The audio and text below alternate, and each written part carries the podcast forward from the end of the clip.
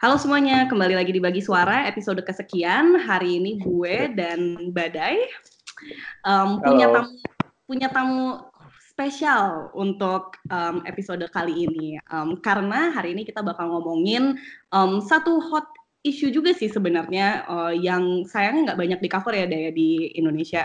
Dan kita mau mencari perspektif baru nih. Sebenarnya kenapa pengen ngajakin ngobrol ini sih soalnya eh, ya masyarakat Indonesia kan terpolarisasi gitu kan.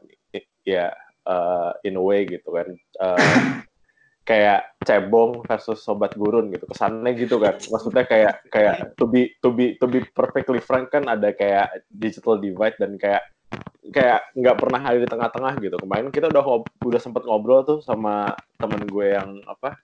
Di apa ya namanya? Di ormas Islam soal maksudnya eh, apa sih sebenarnya di sisi sana gitu yang eh, kita bisa relate dan ternyata lumayan banyak gitu. Eh, dan jadi kayak polarisasi ini a thing gitu tapi kan kayak we have to do something about it gitu. Dan ternyata di dunia tuh nggak cuma Indonesia doang gitu yang eh, kayak gitu gitu. Dan eh, hari ini gue ngajak ngobrol soal Brexit sih gara-gara eh di dunia juga ada yang kayak gini loh gitu. Kebetulan si Smita ada teman ya Ada teman. yang Alhamdulillah ada teman. yang bisa diomongin. Nah, um, untuk eh, pembahasannya um, kita langsung aja perkenalkan um, teman saya gimana, eh, Mas Badai? boleh silahkan Okay, so um, today I'm here with Jim, um, one of my uh, British friend here in Australia. Say hi, Jim. Hi, how are you doing? Jim's a little bit shy, but he'll warm up soon enough. So today, Jim is going to help us um, discuss uh, some issues with Brexit. And we're hoping we're going to get a little bit of personal experience, a little bit of perspective from someone who obviously is familiar with that being that you are British. I would be disappointed if you're not, and this would be a total failure, but I hope it's not. and um, so, yeah, uh, let's get to it. Um, Badai, maybe you want to ask um, the questions on this one? Okay, uh, Jim, can you tell us a bit about the background? Uh, what what is Brexit and why does Brexit happen? Yeah, maybe uh, in your own words. How does this happen?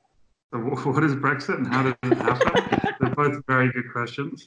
Um, so the kind of the high level about, about, about th- three years ago, uh, the Conservative, the, the right-wing Prime Minister, held a referendum about whether or not uh, the UK should leave the European Union.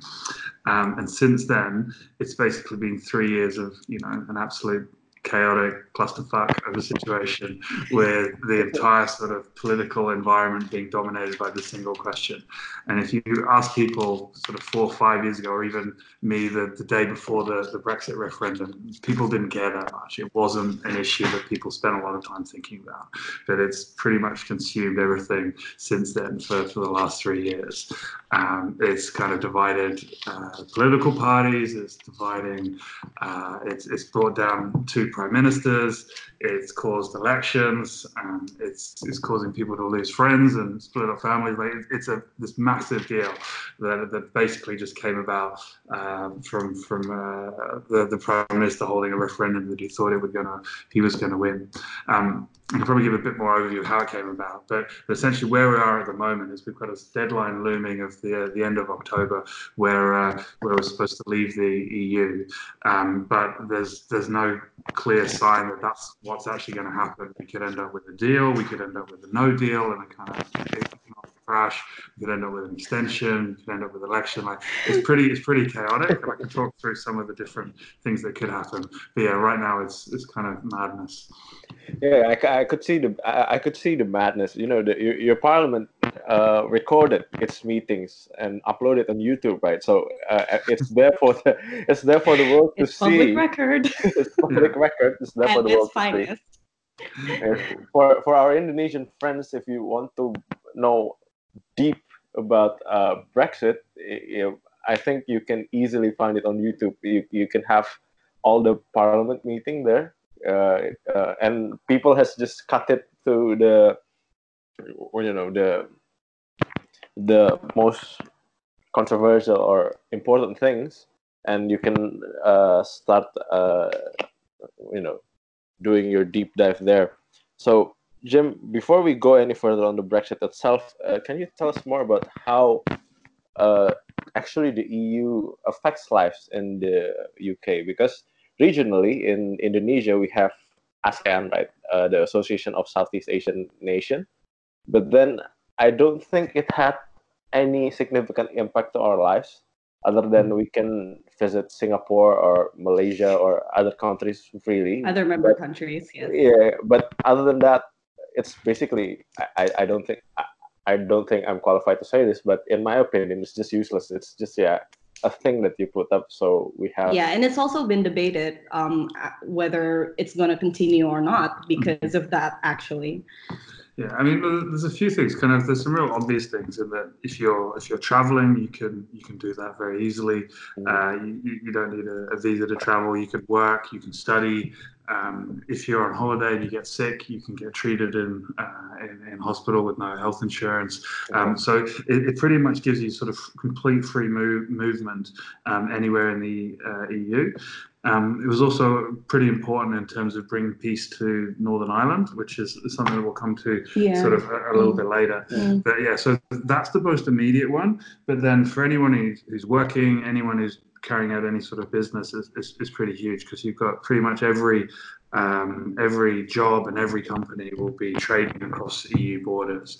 And they, they showed an example of a, a car being built in Europe, and the various parts that go into a car are basically traveling from the UK and back to Europe Right. over and over again as they're kind of being uh, being built and, and kind of creating that sort of complexity. So the the economy is just completely tied together with with a huge amount of trade going across uh, from the UK to, to the rest of Europe and then within Europe. So yeah, the, the economy is the economy is the big one, um, and then sort of travel is the and the right to work is is another another big one. Right, right. so uh, if if we see it that way in an economy so i think a global economy would benefit everyone because uh, you, you get a bigger market and then uh, there's so much more opportunities so um, why do you think people are campaigning to leave the eu Um, why do I think people are campaigning to leave the EU? That has an interesting origin in its own, right? yeah The Brexit campaign. Um, Brexit campaign it's, it's like anything kind of big like this has sort of multiple multiple reasons. Um, and the, the the EU's kind of had this bit of a history as being an easy sort of uh, easy thing to attack um, because it's it's you know it's it's overseas. You can tie it in with you know things like bureaucracy and yeah. immigration and excessive, you know, uh, rules and regulation, and, and too much government. So it's kind of been this real thing that's been easy to kind of beat up without without having to have a lot of content. Um, so I think that's that's part of it. The, the referendum was actually held by David Cameron, who was the prime minister at the time, and he didn't want to leave uh, the EU, yeah and it basically a way of trying to silence part of his own party. Like it was a, an internal Conservative Party debate that turned into this referendum, which we lost by you know two percent, which has caused this huge, huge Yeah. disaster. So yeah, the, the the the whole thing was pretty pretty complicated. But but yeah, it, it tends to be kind of people are about bringing back control and opposing immigration and opposing people overseas, and it's tied in with national pride and you know being British and standing up for yourself and controlling your own destiny. So yeah, it's it's it's heavily sort of tied in with the sort of rise of populism, sort of, you know, quasi-fascism and nationalism Right. that we're seeing right. everywhere. Like people tie the Trump and Brexit together pretty, Mm, yeah, pretty yeah, yeah. closely. That's Yeah. probably a fair uh, fair comparison for a number of reasons. It, it is. Yeah, and this yeah, th- th- this is not yeah. You, you mentioned the rise of uh, populism, and we, we can see, of course, you mentioned it yourself. Uh, Trump getting elected, uh, the rise of uh, right wing move. We have Bolsonaro too in Mhm. Brazil, and then Yeah. uh, Duterte in uh, the, the the Philippines. Um, David Cameron came from a right wing party, but he uh, I, I don't know the, the Tory party under Cameron doesn't seem like it's uh, populist. I think the populist voice was raised by now Prime Minister Boris Johnson and actually the Nigel Farage, right? The, Hmm. the guys from uh, the Brexit party. the, yeah, the Brexit, Brexit party now formerly of UKIP. Um, Yeah, I mean, so yeah, the, the Brexit campaign was very populist, and you had things like you know the same sort of dirty tricks of like fake news, fake advertising, Yeah. troll farms. Uh, you had Cambridge Analytica involved. You had uh, Russia involved. Mm. So it was kind of at the same time as Trump and the same time as Duterte, and uh, it, was, it was a lot of that sort of stuff was going on. Um, Cameron wasn't really a populist; he's kind of a more traditional right wing uh, sort of person. Um, the the Conservative Party in the UK is is sort of the uh, ideological right wing that's sort of similar to the Republican Party in the US or or something like that, but also tied in with the fact Yeah. they're all kind of rich, private, school educated, uh, kind of upper class people. So there's a real class element in, in the UK as well. Um, and you've got, you know, David Cameron and Boris Johnson went to the same school and they went to the same What? university. No way! I mean, I didn't know that fun fact. They came they came from Eton, right? The the the the, the, the, the, the high class boarding it's school. Yeah, so, so Eton is one of the private schools, and uh, a large proportion of prime ministers and, and and ministers went to Eton, and pretty much all of them went to Oxford. Uh, something like two thirds of the of the current cabinet uh, are private school educated, and they all sort of went to Cambridge and, and Oxford and, and those sort of universities. So there's there's a real class which is interesting when people talk about you know standing up for for the, the, the lower classes and the working man when they're all sort of rich private school educated people Yeah. which is the, the same story with Trump talking about Yeah. being for the working man when he you know has a gold toilet and lives in, lives in Trump Towers. that is true. that That's true. true. it, it doesn't it, it doesn't felt sincere right because it's, uh, the popular sentiment is growing from actually billionaires and rich people. So uh, they seem to be riding the wave the, the anger of the working class people. And um, given that labor should be the voice right? The, the, the supposed uh, the labor party is supposed to be the the voice of um, those working class people. But then um, if you tune in to the discussions right now in the parliament, uh, it seems like Labour has no clear policy to react on this. The party itself is divided. Some some of it wants to remain. Someone some of it wants to leave. Uh, what do you think about that? Yeah, I mean, this is the this is the tough situation because you in the UK you've traditionally had a ideological divide um, and Yeah. sort of left, and you've got kind of the the pro uh, pro capitalist and pro business and anti regulation and uh, anti immigrant kind of on one side, and then you've got the sort of more working class social liberal Yeah, pro LGBT uh, kind of left wing party on the other side. And what you found is with Brexit, the Brexit Remain has split both parties pretty much down the middle. Um, and so what you've seen is the Conservative Party is, is almost split, and you've had people defecting from the party to go to the other side Yeah. and voting against Boris Johnson. Resigning Um, every week. People resigning, um, and that's one of the reasons that Theresa May, the previous prime minister, Yeah. wasn't able to get the deal passed because she didn't have the support of her own party. Um, in uh, Labour, you've got the, the same thing going on, and um, and it, it tends to be a regional and a class thing, and you've got the because a lot of Labour is. Uh, immigrant families, Yeah. people of color, uh, LGBT, uh, people who are in the in the cities and the urban areas are, are very modern, very international, uh, more cosmopolitan. But then you've got large areas of the kind of labour traditional heartlands, Mm, uh, which are the post-industrial areas in the north and, mm, and parts of the country, which are very poor, very white, very working class, mm. um, and they've very much been pro-labour as part of their working class. Uh, anti-business or, or anti-wealth and, and sort of progressive uh, agenda. But with Brexit, they're, they're very much the, the target market for a populist movement, which creates, you know, targets immigrants and targets overseas people. So, yeah, you've got this kind of uh, populist alliance between people like Boris Johnson tying up with sort of working class people who are upset about being left behind. Um, but again, there's there's a lot of working class people from immigrant families in London who are very much Remain. So it's it's not just about the working class being being pro Brexit. Right. So the the the, the parties that uh, generate the opposite views on Brexit. Uh, are spread across the uh, the party the party lines doesn't doesn't matter as much because you you, you got pro Remain and pro Leave uh, supporters in in the ruling uh, as you said in the ruling and the opposition party pretty much split to the middle. And uh, it caused the deadlock that uh, ousted Theresa May. Uh, and now with Boris Johnson the the what the one who you could call the arch Brexiteer, mm-hmm. um, I think we're going to another deadlock because uh, just now the parliament has just uh, passed a bill that uh, essentially forces him to ask for an extension if no deal uh, no no no deal was uh, reached uh, on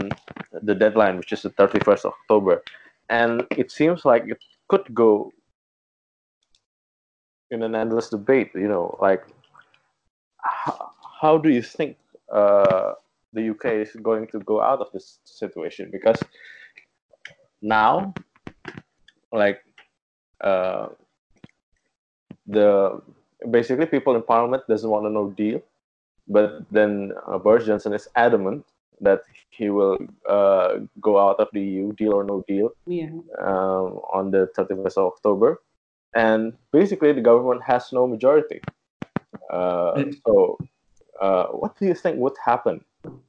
Well, I, I think this probably this, this question probably has two parts because so, there's what's going to happen. Uh, what's going to happen between now and the 31st of October? Mm-hmm. Um, and there's, there's, a lot of complexity in that and a lot of different options. And then there's what's going to happen afterwards.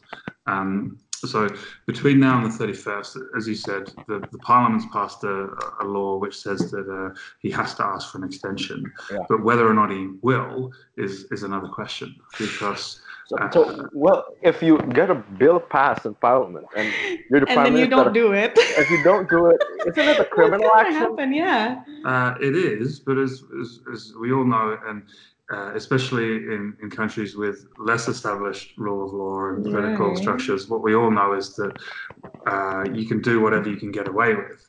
Um, so uh, then it's a, a, a, match between what's going to happen in the courts, what's going to happen in Parliament, what's going to happen in, in, the EU, and there seems to be a number of ways that we could we could end up going to a no deal uh, or kind of by by by sabotaging the, the, the system. Um, of course, everyone who's looking at the law and and, and looking at the, the UK's unwritten constitution is saying that that's not going to happen. But I think there's a certain amount of uh, faith that uh, everything's going to carry on as normal without, you know, a, a se- se- severe constitutional crisis, which um, I think is is maybe uh, unfounded trust in the system because it could go horribly wrong. And yeah, have real yeah. real issues. I mean, now but, that we've seen how it goes, like with the prime ministers as well. Yeah. Um, so so so I think that uh, I think what could happen is that. Um, uh, he he could end up resigning and someone else asks for the extension. I think right now the most likely thing is, is some kind of extension. Um, there's definitely not going to be a deal um, between now and the 31st. Right. Um, the the EU and, and Boris is, is just too far away on in terms of what they're what they're willing to, to go for. Uh, so I think an extension is very likely. Um, and then from there, we're likely to see an election. Um, and then the election is going to play out in a, in a, in, a, way that's very hard to read um, because you've got multiple different parties uh, who are campaigning on their party affiliation, but also campaigning on Remain or Brexit. Yeah, I remember. Um, and there's a solid chance that Boris will uh, win a, a, very strong uh uh, majority in, in, an election because he can campaign on being pro Brexit. He can tie in with what the Brexit Party, which would appeal to those Labour yeah. uh, voters in, in the north. Uh, whereas Labour's trying to kind of cover both and say that they'll yeah. hold a hold another referendum, um, and and that you can try and have both Remainers and Brexiters voting for Labour. Whereas the the message from Boris is going to be much is going to be much simpler, uh, and that's always the danger of populists is that they have a simple message yeah.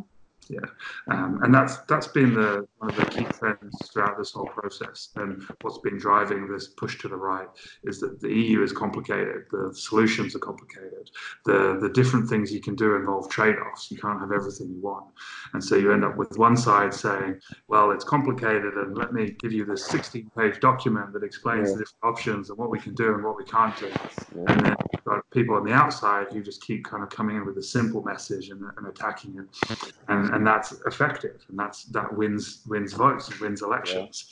Yeah. Uh, but what you're seeing now is Boris is finally in power, um, and those simple messages aren't going to. That he has to deliver something, so you kind of got this this crash between the, the, the simple solutions he's been promising and the reality, which is which uh, which is, is going to come and bite him because that's the, the, reality doesn't change and you can't kind of uh, argue your way out of it.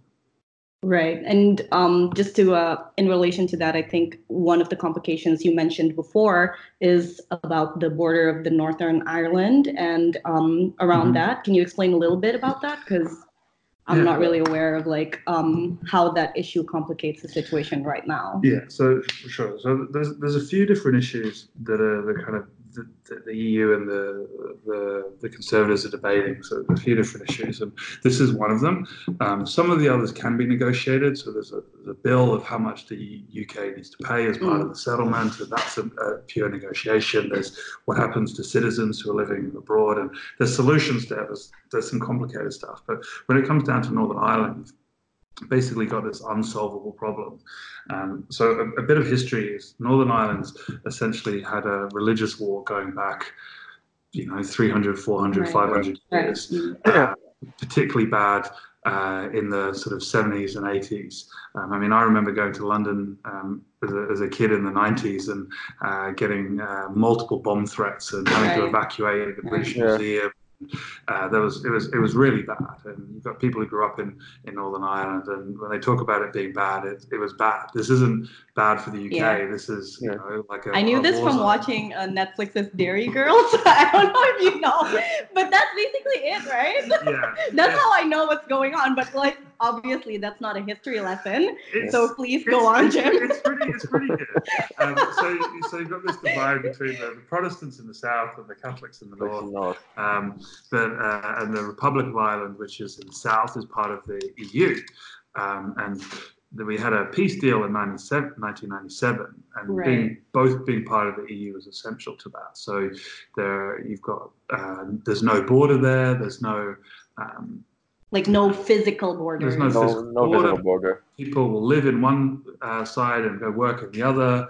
Uh, like literally, there's no issues. You can have a farm that cuts across both sides of right. the border. Okay. It's, it's completely not. There's no border there at all. Um, and the issue is that if uh, if the UK wants control and control over its regulations, yeah. Then how does that work with with no border? Right. And so at some point you have to have a change in the, right. the gov- governance. And so what they've said is no one wants a hard border in Northern Ireland because I think that would cause uh, they could cause a return to to, to civil war or a, a kind of uh, violence and conflict.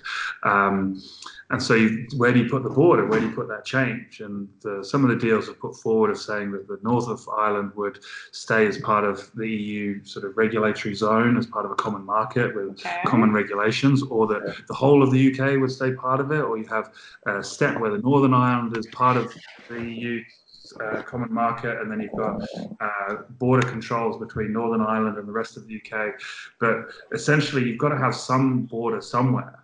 Um, and this is one of the simple things that the Brexiteers have, been pushing is saying that you know we want control and we, we don't want to allow the EU to control anything, and we don't want a hard border or any border.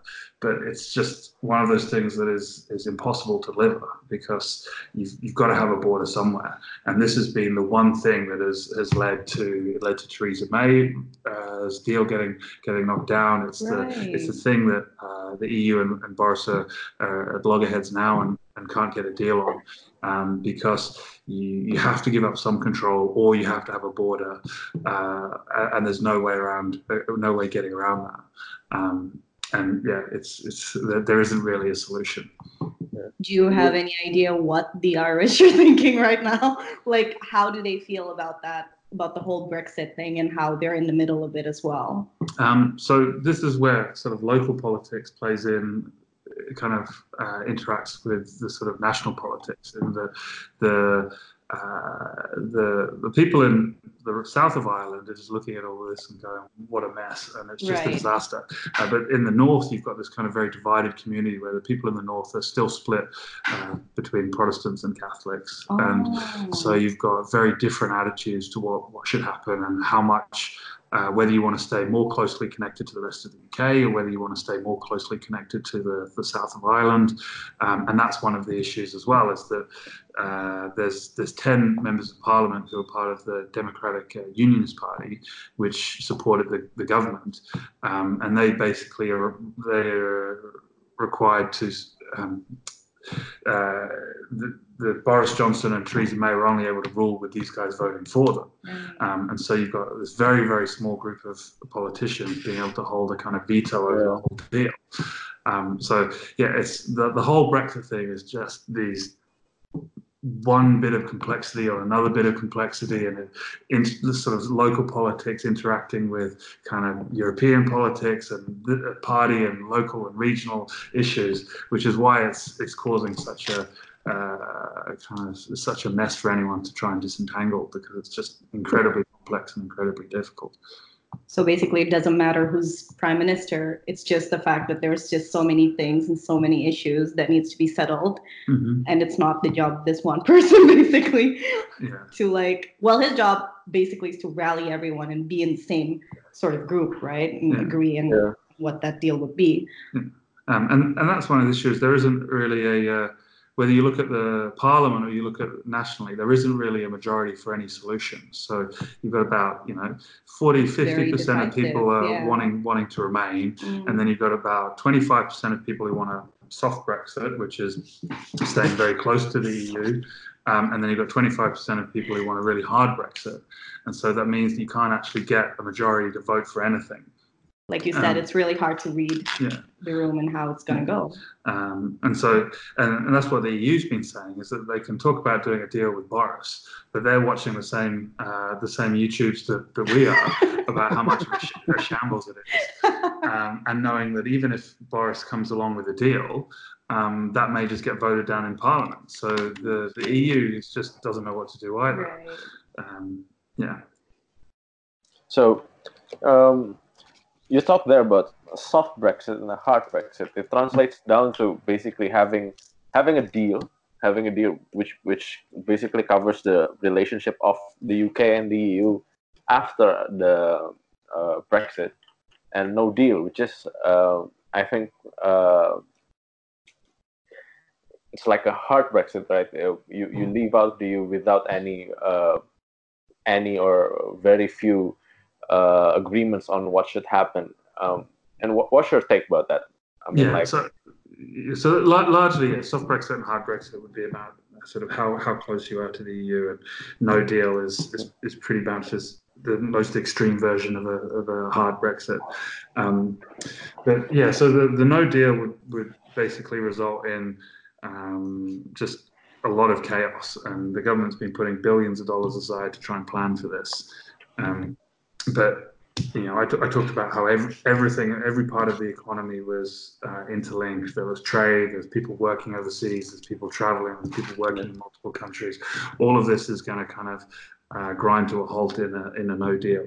You're talking about having uh, trucks and lorries backed up at the at the border and taking Yeah. sort of four, four days to get through to uh, to across the border. And you've got uh, the idea that you might have shortages of food and medicine and things like that. So whether or not this is actually going to happen or, or not, it's it's pretty clear that it's going to be bad if there is a is a no deal.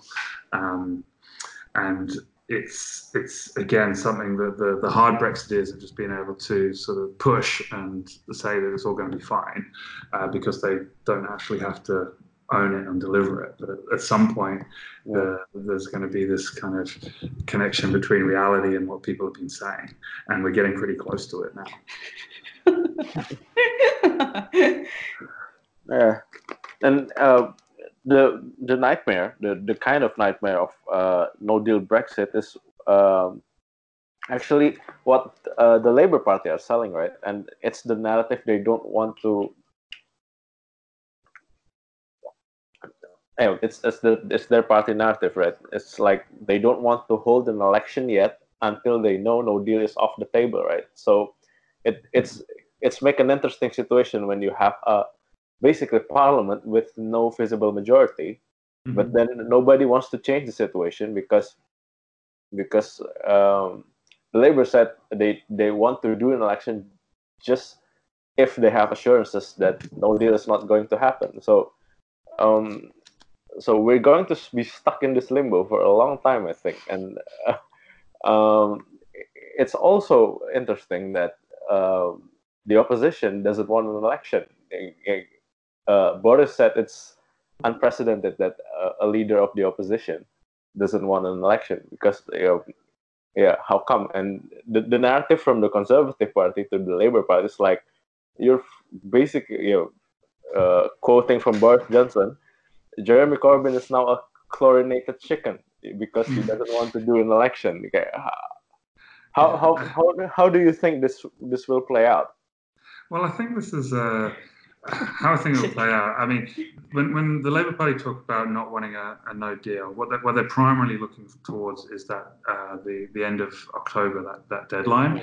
Um, as soon as that deadline passes, or as soon as it's clear that an extension is being requested, then I think that's when you'll go to an election, uh, because uh, the the current situation in Parliament isn't sustainable, as, as you said.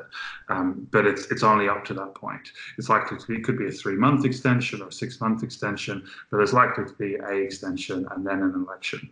Um, the issue is that uh, Boris very clearly wanted an election because it's an election where he didn't have to deliver anything and Yeah. he could just use that populist rhetoric again um, to criticize the, the parliament, to criticize Labour, to criticize the EU, um, and and get a get a strong majority. Um, whereas if it's if it's after that, that's going to be harder to do. Um, so I think Labour has played it reasonably well, but it's it's a very difficult position that everyone is in. Right. In that note about um, Boris Johnson's remarks of his um, opposition, um, how do you feel about like the recent trash talking scandal? That I mean, like the Pope even commented on like how trash talking have um, ruled the Parliament in recent uh, weeks. How do you feel about that Um, particular sentiment? Well, I think the it's Because I feel like it's so un-British. I don't know why. I just have this imagination that y'all are proper. okay. Um, Yeah, no, that's, that's interesting. I mean, I think the thing is, you have got to realize that, that Boris Johnson's very deliberate. He's smart. Um, he's he's he looks like Trump, but he isn't Trump. Um, there's there's certain similarities, but he's a really smart, really educated man. Um, and so a lot of the things he does, he does because he knows it's it's kind of charming and provocative and and oh, yeah. And drives uh, uh, and, and drives votes and drives headlines. So you've got the he he wrote this article that was incredibly um, uh, Islamophobic and Ooh. xenophobic, where he said Mm. that uh, Islamic women wearing face coverings and burqas looked like letterboxes and Oh bank, my god. bank robbers. Um, and he did it deliberately as an appeal to his his right wing base. right. And then you've got this incredible scene where he came out and he charmed all the journalists and gave them all Yeah, yeah, tea. Yeah, I saw that. I um, saw worth- that. worth the link. Um, and and it's just and then he everyone forgave him because oh he's so charming Yeah, and he's like- so you know he's just a Yeah. bit of a doofus and but it's it's, it's deliberate um, and a lot of the stuff he's doing now is, is, is the same um, in terms of the the kind of the, the overall rhetoric in, in Parliament and the, the conflict I, I think it's pretty uh, it's there's, there's a couple of things there so one is the, the Parliament has what we call uh, Prime Minister's question time which is Right. every week the prime minister, the head of state, has to get up and face questions in, in parliament, which is Mm. actually a Yeah. fantastic thing from a democratic Yeah. perspective. Yeah. To hold people to account, Yeah. but it just you, you do get these incredible scenes. So that's that's one thing. It's actually quite good. Um, the the second is you've got this um, this increasing uh, violent. Um, sort of language being used by, Yeah. by, by people on the Brexit side, Yeah. and there's talk of traitors and Yeah. there's people being doxxed, and there was a member of parliament who was actually stabbed about uh, stabbed a, a year ago because she was pro Brexit by a sort of right wing terrorist. Um, so that's being brought up again. Um, so a lot of the tabloid papers, which are kind of the uh, I guess the Fox equivalent in in the UK, are Yeah. very very strong and they're Super super uh, aggressive. Um, it's all Murdoch press stuff, of course Yeah. Mm. um, and just attacking people. So yeah, it's, it's quite um, it's quite a dangerous sort of situation to be in. Right. You could end up with you know civil unrest or, or more likely sort of right wing terrorism attacks Oh. and the sort of things you're seeing in, in Christchurch and parts of Yeah. the US. Yeah. Dare I say that it's actually more divisive than the Trump administration right now? Um, they're both pretty bad. um, in, ter- in terms of the divisiveness, um, well, I mean, we've got the advantage that we don't have, uh, you know, 200 million guns or whatever. so That's true. That's true. Take note, America. there is something. um, yeah, it's it's yeah, it's, it's pretty it's pretty bad in terms of the, the language that we're saying. Um, and when you talk about what the what the resolution is, um, at some point you're going to have to have some kind of agreement with the EU, and whether people will be happy with that, I don't know. Um, and there'll certainly be uh, a large proportion of people, no matter what the outcome, who are incredibly unhappy with the, the final uh, decision. If it's if it's a no deal, you're going to have some very very upset people on the Remain side. Any kind of uh, accommodation with the EU or or a, a second referendum and a decision to remain uh, would either upset the Brexit. Brexit. So Right. this is likely to be an issue for, for another decade or, or, Yeah, or 20 years. It seems So like it. it's this is going to be dragging on for, for years with, Yeah. with no clear resolution. Yeah, you mentioned about the media. You, you said that there's a Fox equivalent in the UK. Uh, well, uh, What is it? yeah, we, What's we have it's it's like the the the the, the right wing have I, I think the Sun right Yeah. Oh. the Sun So, and, Oh, yeah. and then and then and then you, you you've got uh the the Telegraph also on the side of the Tories, uh, s- uh, sometimes the Daily Mail, and then the la- the the Labour Party basically uh some of the independent uh, some some coverage on the Independent and the Guardian. So Yeah. basically the the media divide is also uh, is also apparent on the UK, right?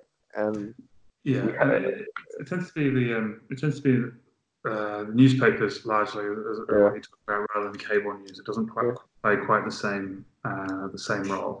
Uh, so yeah, you've got the, the what you call the tabloids, which are the ones Yeah. with, with all the pictures and um, and and they're, they're deliberately targeted uh, towards.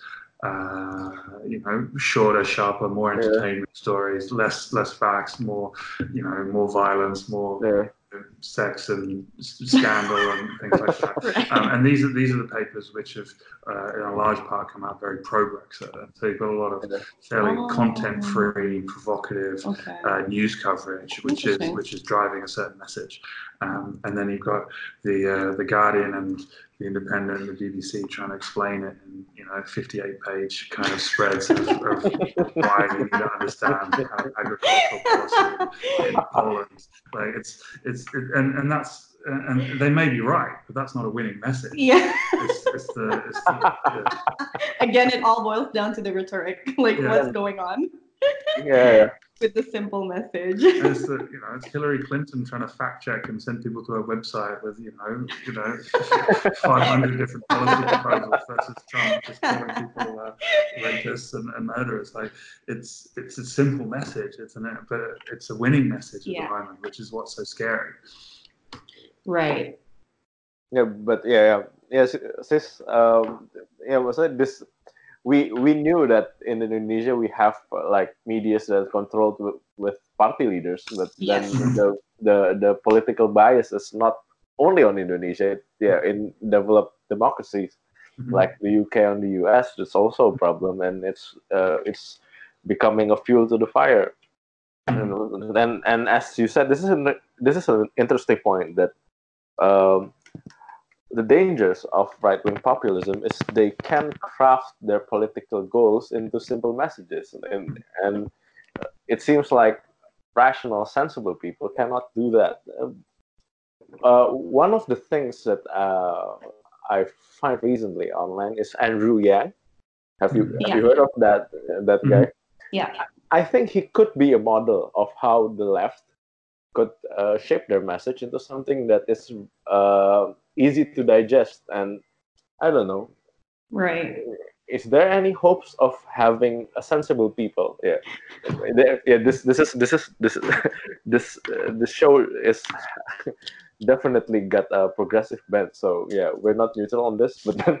Um, do you see do you see any any possibility of uh, the what you say sensible people sensible person no, no, Well, I, I uh, think I, I, I challenge. Uh, I challenge the idea of sort of sensible, and I, I'll just kind of I'll, I'll expand that. I'll expand that a little bit. Um, and this is the issue with with populists everywhere, is that the the status quo in most places sucks.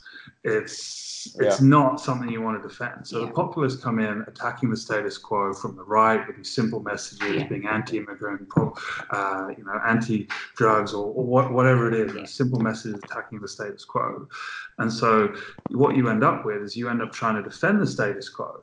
And that's a really weak position to be in. Yeah. If you're defending the status quo in the UK against Brexiteers, you're defending, you know, some, some pretty terrible sort of governance and, and terrible situations and very unequal societies. And you, you see that with, uh, again, going back to the Hillary Trump thing, is Yeah. that you're you're you're defending if you're trying to support Hillary to oppose Trump. Like Hillary really wasn't great. Um, and so you end up going, well, you know, Hillary's better than Trump, but she's not, you know, great. Like that's not a, a good message.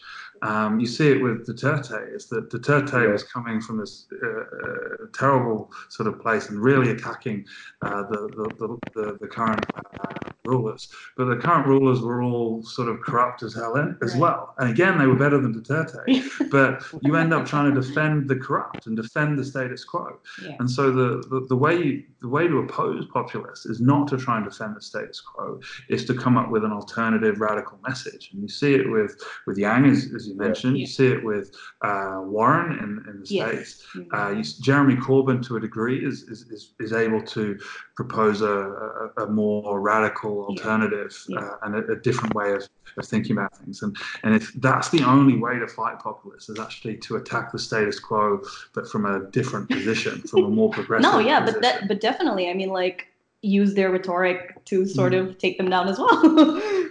Yeah, I, it, it is, and this is the, the that, that fine line is you, you want to kind of be as aggressive and as, as attacking, but also you need to still be fact based, Right. and and you can't just you know be as bad as the, because the as problem as with the- these people is that they know how issues can be very complicated and so Mm-hmm. they stay away from like taking that one stance on something Mhm. because they recognize that which is like you said that message doesn't sell Yeah. like it's too complicated people wouldn't get it What's that? Uh, there's a phrase in American politics that if, if you're explaining, you're losing.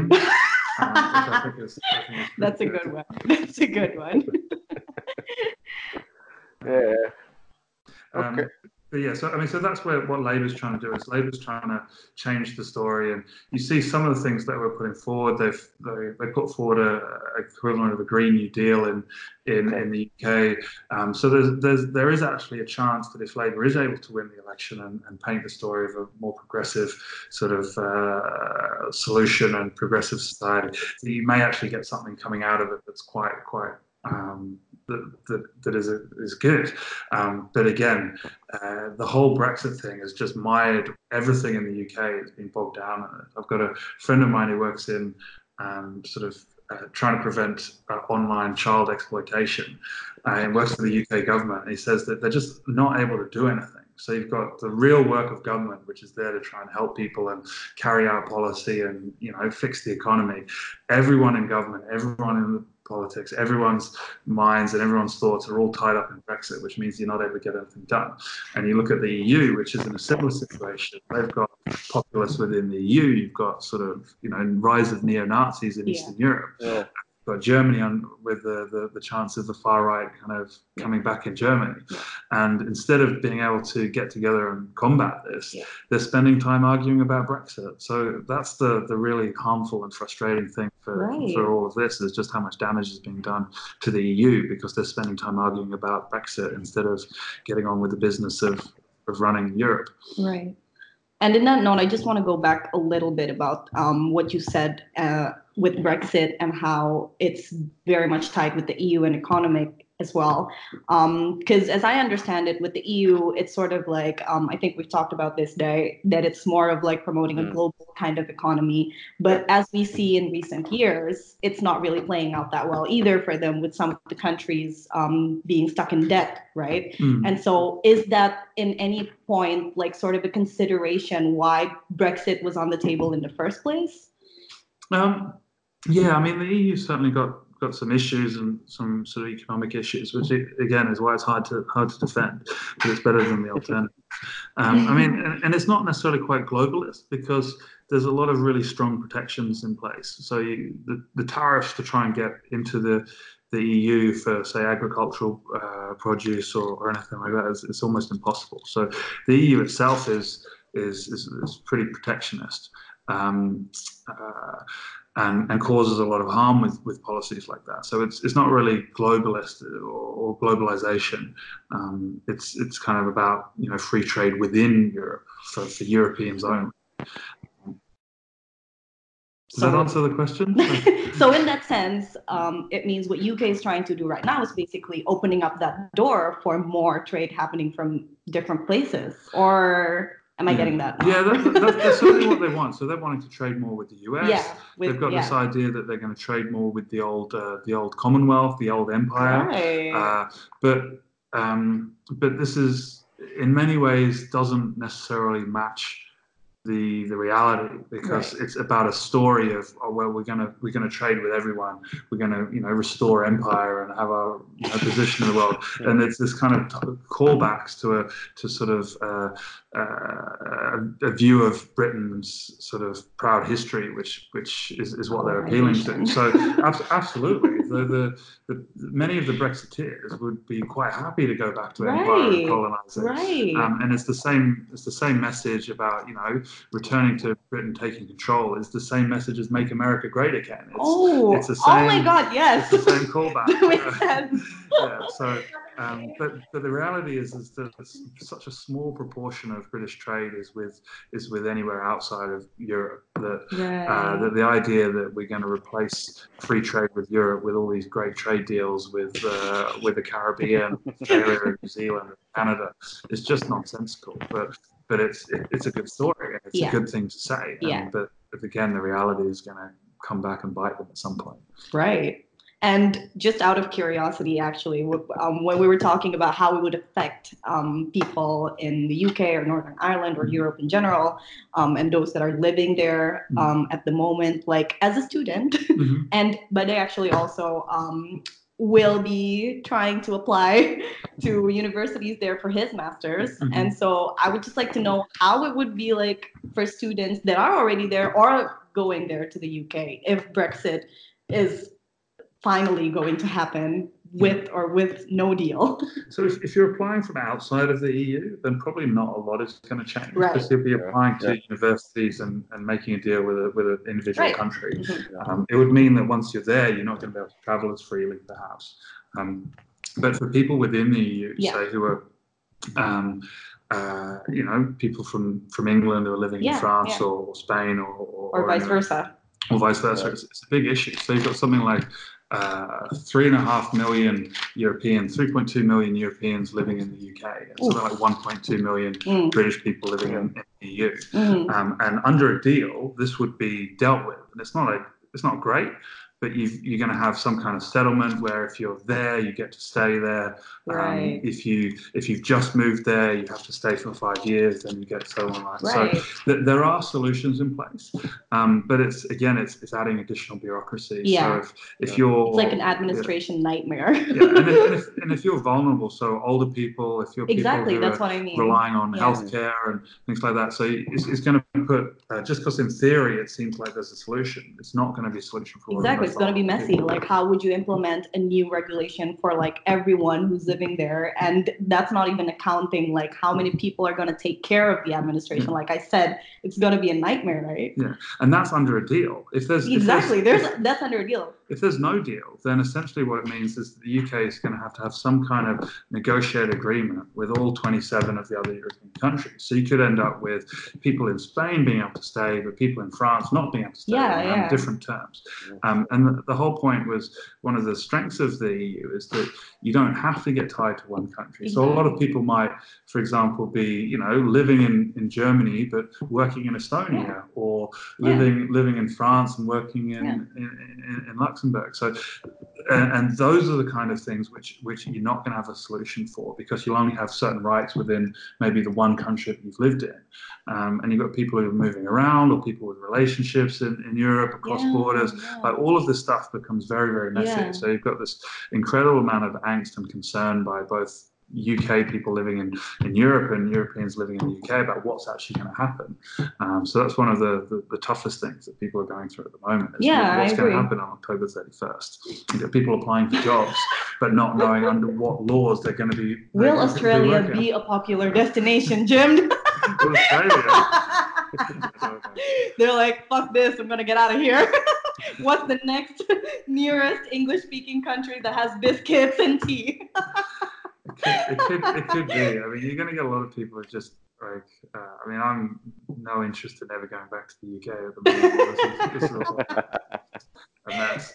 But I had always thought that uh, you know one day you might go live in Europe or, or things like that. So yeah. there's a lot of um, younger people, especially, who kind of feel that their sort of future is being stolen a little bit by this. Like they may be living in London and, and they may never actually have gone to go live in Right. France. But the idea that you could Right. is quite powerful. it's like yeah. I could go live in France, I could go live in Spain, I can go live in Germany. I could do that if I wanted to, and it would be easy. Right. Um, and so having that taken away is, is that's pretty tough, and, and that's one of the reasons you get this real divide between older people and, and, and younger people in terms of Brexit and Remain. Um, fun fact. Um, just based on old people dying, if they held the referendum today, uh, the the election result would have been different. There's essentially Ah, about yeah, hundreds of thousands of, of older people dying and younger people being able to vote. so just purely from demographic change, um, you would you would have a different result in the referendum. Yeah, no, because that's that would be my next question. Because in relation to that, I know that in Indonesia, the population is big in the middle, right? So middle age, like um twenties. That's Mhm. the big portion of the pie is there. Mhm. Um, but what about in the UK? Like, is it total two different opposites, like old, older um, demographics versus those who cannot vote yet demographics? Uh, so in- or in terms of like percentage base, so from a kind of Brexit Remain, it's it's a real sort of straight line. Like the older you are, the more likely you are to be pro. Uh, pro Brexit and anti Remain, and the younger you are, the more likely you are to be uh, Remain. And Yeah. similar uh, on things like education, um, things like that. So, um, so it is a real generational divide. Uh, in terms of the actual demographics, you've got uh, a kind of aging population, in Mm. that, like many places in the developed uh, world, you've got sort of declining birth rates, um, and actually immigration has been a huge part of of, of remedying that. So uh, the UK has had large amounts of immigration, both from within the EU and outside of the EU. They all come and they all pay taxes and they all work Mm. And they all support people, uh, Brexiters' uh, pensions as they're getting old. Yeah. So, um, and again, the, the kind of the economic reality doesn't match what, what people are actually thinking. So you got people who are anti-immigration, even though they know that, even though immigration is actually helping them. So Right. yeah, it's it's uh, at least this from my perspective. Yeah. So I may be slightly biased. No, it's okay. And in that account, But- um, But that's Oh. the fact, right? I mean, in the developing world, you, you know, you know, Japan are actually paying people to come from Indonesia to work yeah, there, right? that's, Mhm. that's true. It's a new thing. Um, but yeah, so what you may see is uh, is, is a lot of the, the, the right wing, the Brexiteers, actually kind of pro-immigration, but they because a lot of them are business owners and the ultra rich. But Yeah. what you may find out is is that you're going to end up with immigration with a lot. You know, a lot fewer rights and a lot fewer, uh, a lot worse working conditions, and they'll end up with people being able to come and work in, in you know, Boris Johnson's factory, and then, uh, but with, with no rights to remain or no rights to work in, to get healthcare and things like that. So the the vision for for Britain that the Brexiteers are putting out is is a pretty pretty grim one in terms of its its attitude to the rest of the world. Right. And in that note, just out of curiosity, because I don't know how this works, but when you are voting for um, Leave or Remain, Mm-hmm. um, if you are not in the UK, can you still vote for it um, at the time? Um, so I could have voted, I didn't, um, because and this is one of the issues. Is a lot of people were just like, it's going to win. No one, no. Yeah, like it's stupid. Why would you think of that, right? um, I mean, also just, uh, I, yeah. So without making excuses, I found it quite hard to vote from just being abroad and traveling a lot and not having a fixed Yeah, address and yeah. things like that. But there was a, um, a large proportion of people who didn't vote. Um, and a large proportion of people who probably like me regret it quite a lot because the, Oh, yeah, the margin said, was not mm, particularly big. Yeah, because you said there were a lot of millions of um, Mhm. British people actually don't live in the UK anyway, right? They Yeah. live in the EU, Mhm. and so what was like, what was the um, process for them if uh, at the time when they wanted to vote, So yeah, so they, they're all able to they're all able to vote. Um, wherever so- they are? Yeah, so wherever you are, you kind of got the, the right to kind of vote by uh, by post and things like that. And and you and By post. So what you end up with was a lot of uh, sort of groups in the EU. Some of them voted uh, very much Remain, as you as you would expect. But there's there's a large number of people who voted for Brexit who lived in the EU and are going to be impacted. So you've got uh, a group of particularly older people who've retired in, in Europe Mm. who are dependent on local healthcare, but who are voting Brexit with the rest of their sort of older, uh, more wider um, kind of demographic as well, who are now realizing that they've um, kind of caused themselves some real, real harm. So, yeah, you've got some real, real issues. you were about to say that. Sorry. Yeah. So yeah, it- it's it's kind of yeah. It's, the the situation now is kind of strange because you know um, they're kind of putting out an anti-immigrant rhetoric, but the the the the fact of the matter is they they they benefited a lot from that, and um, you know, talking about retirees, you know, Malaysia is very, very popular. I think with with the UK population to go after they retire because it's very cheap to live there.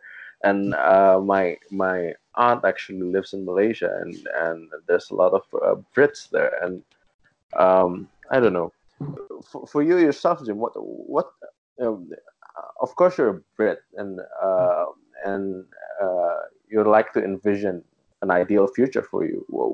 What's now gitu, with all this uncertainty? Uh, what what's the kind of future you hope for yourself? Well, I'm kind of um, so I, you know, grew grew up in the UK and I've lived in the Philippines and also Yeah. Lived in. Australia. So uh, I I think to, to, to a degree, um, I- I'd hope to at some point be able to go back to, to Europe or back to the UK. And if we stay part of the EU, that would certainly make that easier. Yeah. Um, but yeah, I, I- think that's going to be tough at the moment. I'm more worried about the direction that the, the UK is uh, the UK is going in, um, because as I said there's there's no clear and easy way out of this that doesn't Yeah. resolve in, result in a, a lot of kind of problems and a lot of kind of political, uh, I guess, fighting for, for, for, for a long time. Um, just just going back to the the retirees, Yeah. this is a good example of the sort of issues where um, the the rhetoric and what people were promising was just sort of impossible. So we talked about the impossibility of the Northern Ireland thing. The the immigration and travel was another one. Is that you, the pro Brexiters wanted to be able to travel in, in Europe without having a visa, want to be able to live in Europe. They, they really like that. Yeah. But they also want to be able to restrict immigration and not allow anyone from the EU, EU to, to live in the UK. And so they want their cake and they want to eat, eat it as well. Like they're trying to have the best of, of both worlds. Um, and there's a there's a number of things like that where they they they want to be able to be part of the, the EU's trade, but they don't want any controls over uh, over manufacturing and, and food and agriculture and all, Yeah. all the rules that are required to be part of the trade. So there's the kind of the Brexiters promised things that weren't only difficult or, or wrong or, or or like that, but they, they're promising things that are physically impossible, like the literally impossible things they were trying to they were trying to promise. Um, And it's costing a lot of money as well right now. yeah, it's. I mean, I mean, I, I had um, my uh, big part of my pension from when I was working in the UK and my savings are in are in British pounds, and, and that's lost sort of that's lost a, a lot. So if I'm not planning to go back to the UK, then then yeah, Brexit's harmed me Yeah. pretty, pretty seriously. So, It gets There's a personal. personal stake here. Yeah, there's a personal stake here. I like that. I like that. yeah, so. but I mean, but but this is the kind of um, you, you kind of do end up with a sort of a series of, of different people being impacted differently. So you've got kind of you know working class people in, in the north who, who feel that they're never going to travel that much, and so they, they haven't really lost anything. They feel, uh, but then you've got you know people people like myself who want to be able to travel and Yeah. and, and we're really impacted because we're the people who want to be able to move around and, and do those things. Yeah. And then what you find is that you've got the, the ultra rich who are who are also not impacted by this. So you've got various people who are funding the Brexit campaign or supporting Brexit who are happily moving their businesses uh, offshore and outside of the, the UK Right, or right. moving their factories to the EU and Yeah. things like this. Because if you're if you're the ultra rich, then these kind of borders don't bother you. Yeah. So putting putting more controls in place doesn't affect affects younger professionals and people like me who want to be able to travel. Yeah. Um, Wow. and so that's kind of the hypocrisy of, uh, of some of the things that the Brexiteers are doing is that they're, they're, they're putting rules in place that they know are never going to hurt themselves because they're just rich enough to, to bypass any rules. Right. Okay. Well, I think that's everything that we need to know about Brexit, Yeah. all with the juicy gossips and stuff. I don't know about you. Do you have anything that you want to add, maybe, Jim, that we haven't really discussed um, in the span of an hour? Um, no, Yeah, we've been talking for an hour now. So We've been talking for an hour. no, I think uh, I think I think it's covered covered uh, covered, Covered lot, pretty yeah. well. I was worried I wouldn't be able to have much to say about Brexit, but, uh, but I guess I, No, I know you do. I know you do, Jim. you know, we- of course you get a lot of things to talk about. It gets personal, so okay, Yeah, personal. it affects your future. but, but I mean, I guess the, the question maybe s- people are listening, where would they go to to find out more and things like that? Or something you mentioned earlier. So I think the the Guardian's pretty good, the BBC's pretty good. Um, they're probably the two that I, I go to a lot. Um, and if you want an example of of what uh, what people on the, the Brexit side are, are saying, then you can check out the Sun or the Express or the Daily Mail, and and you can kind of do your own compare and contrast between the it's complicated here. Let us explain it to you in 15 charts versus the simple message of you know traders and, uh, and what Boris is doing and all, and all of that. The kind of the, the simple message. Disclaimer: Be aware of what you're being fed. Absolutely. but yeah, definitely that would be very useful um, for people to know where to find information um, on this because, like I said before, we started actually there wasn't there wasn't really a lot of coverage on this um, issue in Indonesian media because we're also going through some shit. so, with that being But, said, but but that I, I don't know. It puts some comfort in a way. Like like uh, okay, the world is falling down, but it's not it's not only us. Really? It makes me worried. no, that's true. If No, no, no, it's a joke. I mean, even here in Australia, also we yeah, Yeah. there is also their own problems. It's like your house is on fire. You go out to the street and realize that your neighbors are also. Yeah, on fire. like- Like, that's not that's not making me feel better. oh well, it's okay. Ignorance is bliss. anyway, okay. Thank you so much, Jim, for your time and for No the problem. very Thank you, enlightening Jim. Um, we'll put up some links as well on our bio for um, those who wanted to find out more about Brexit. But thank you very much for your time. Mhm. Um, Thank you very much. and okay, so see you. yeah, see you in the next episode. Um, do please uh, subscribe, listen, and don't forget to add us online if you haven't at Bagikata and follow us on social media at Bagi Kata Hub, Twitter, and Instagram. Thank you. Terima kasih telah berbagi suara. Bukan, dengar, dengarkan ceritanya di Bagi Suara. Ya udah itu boleh. Ya. Ku ke sana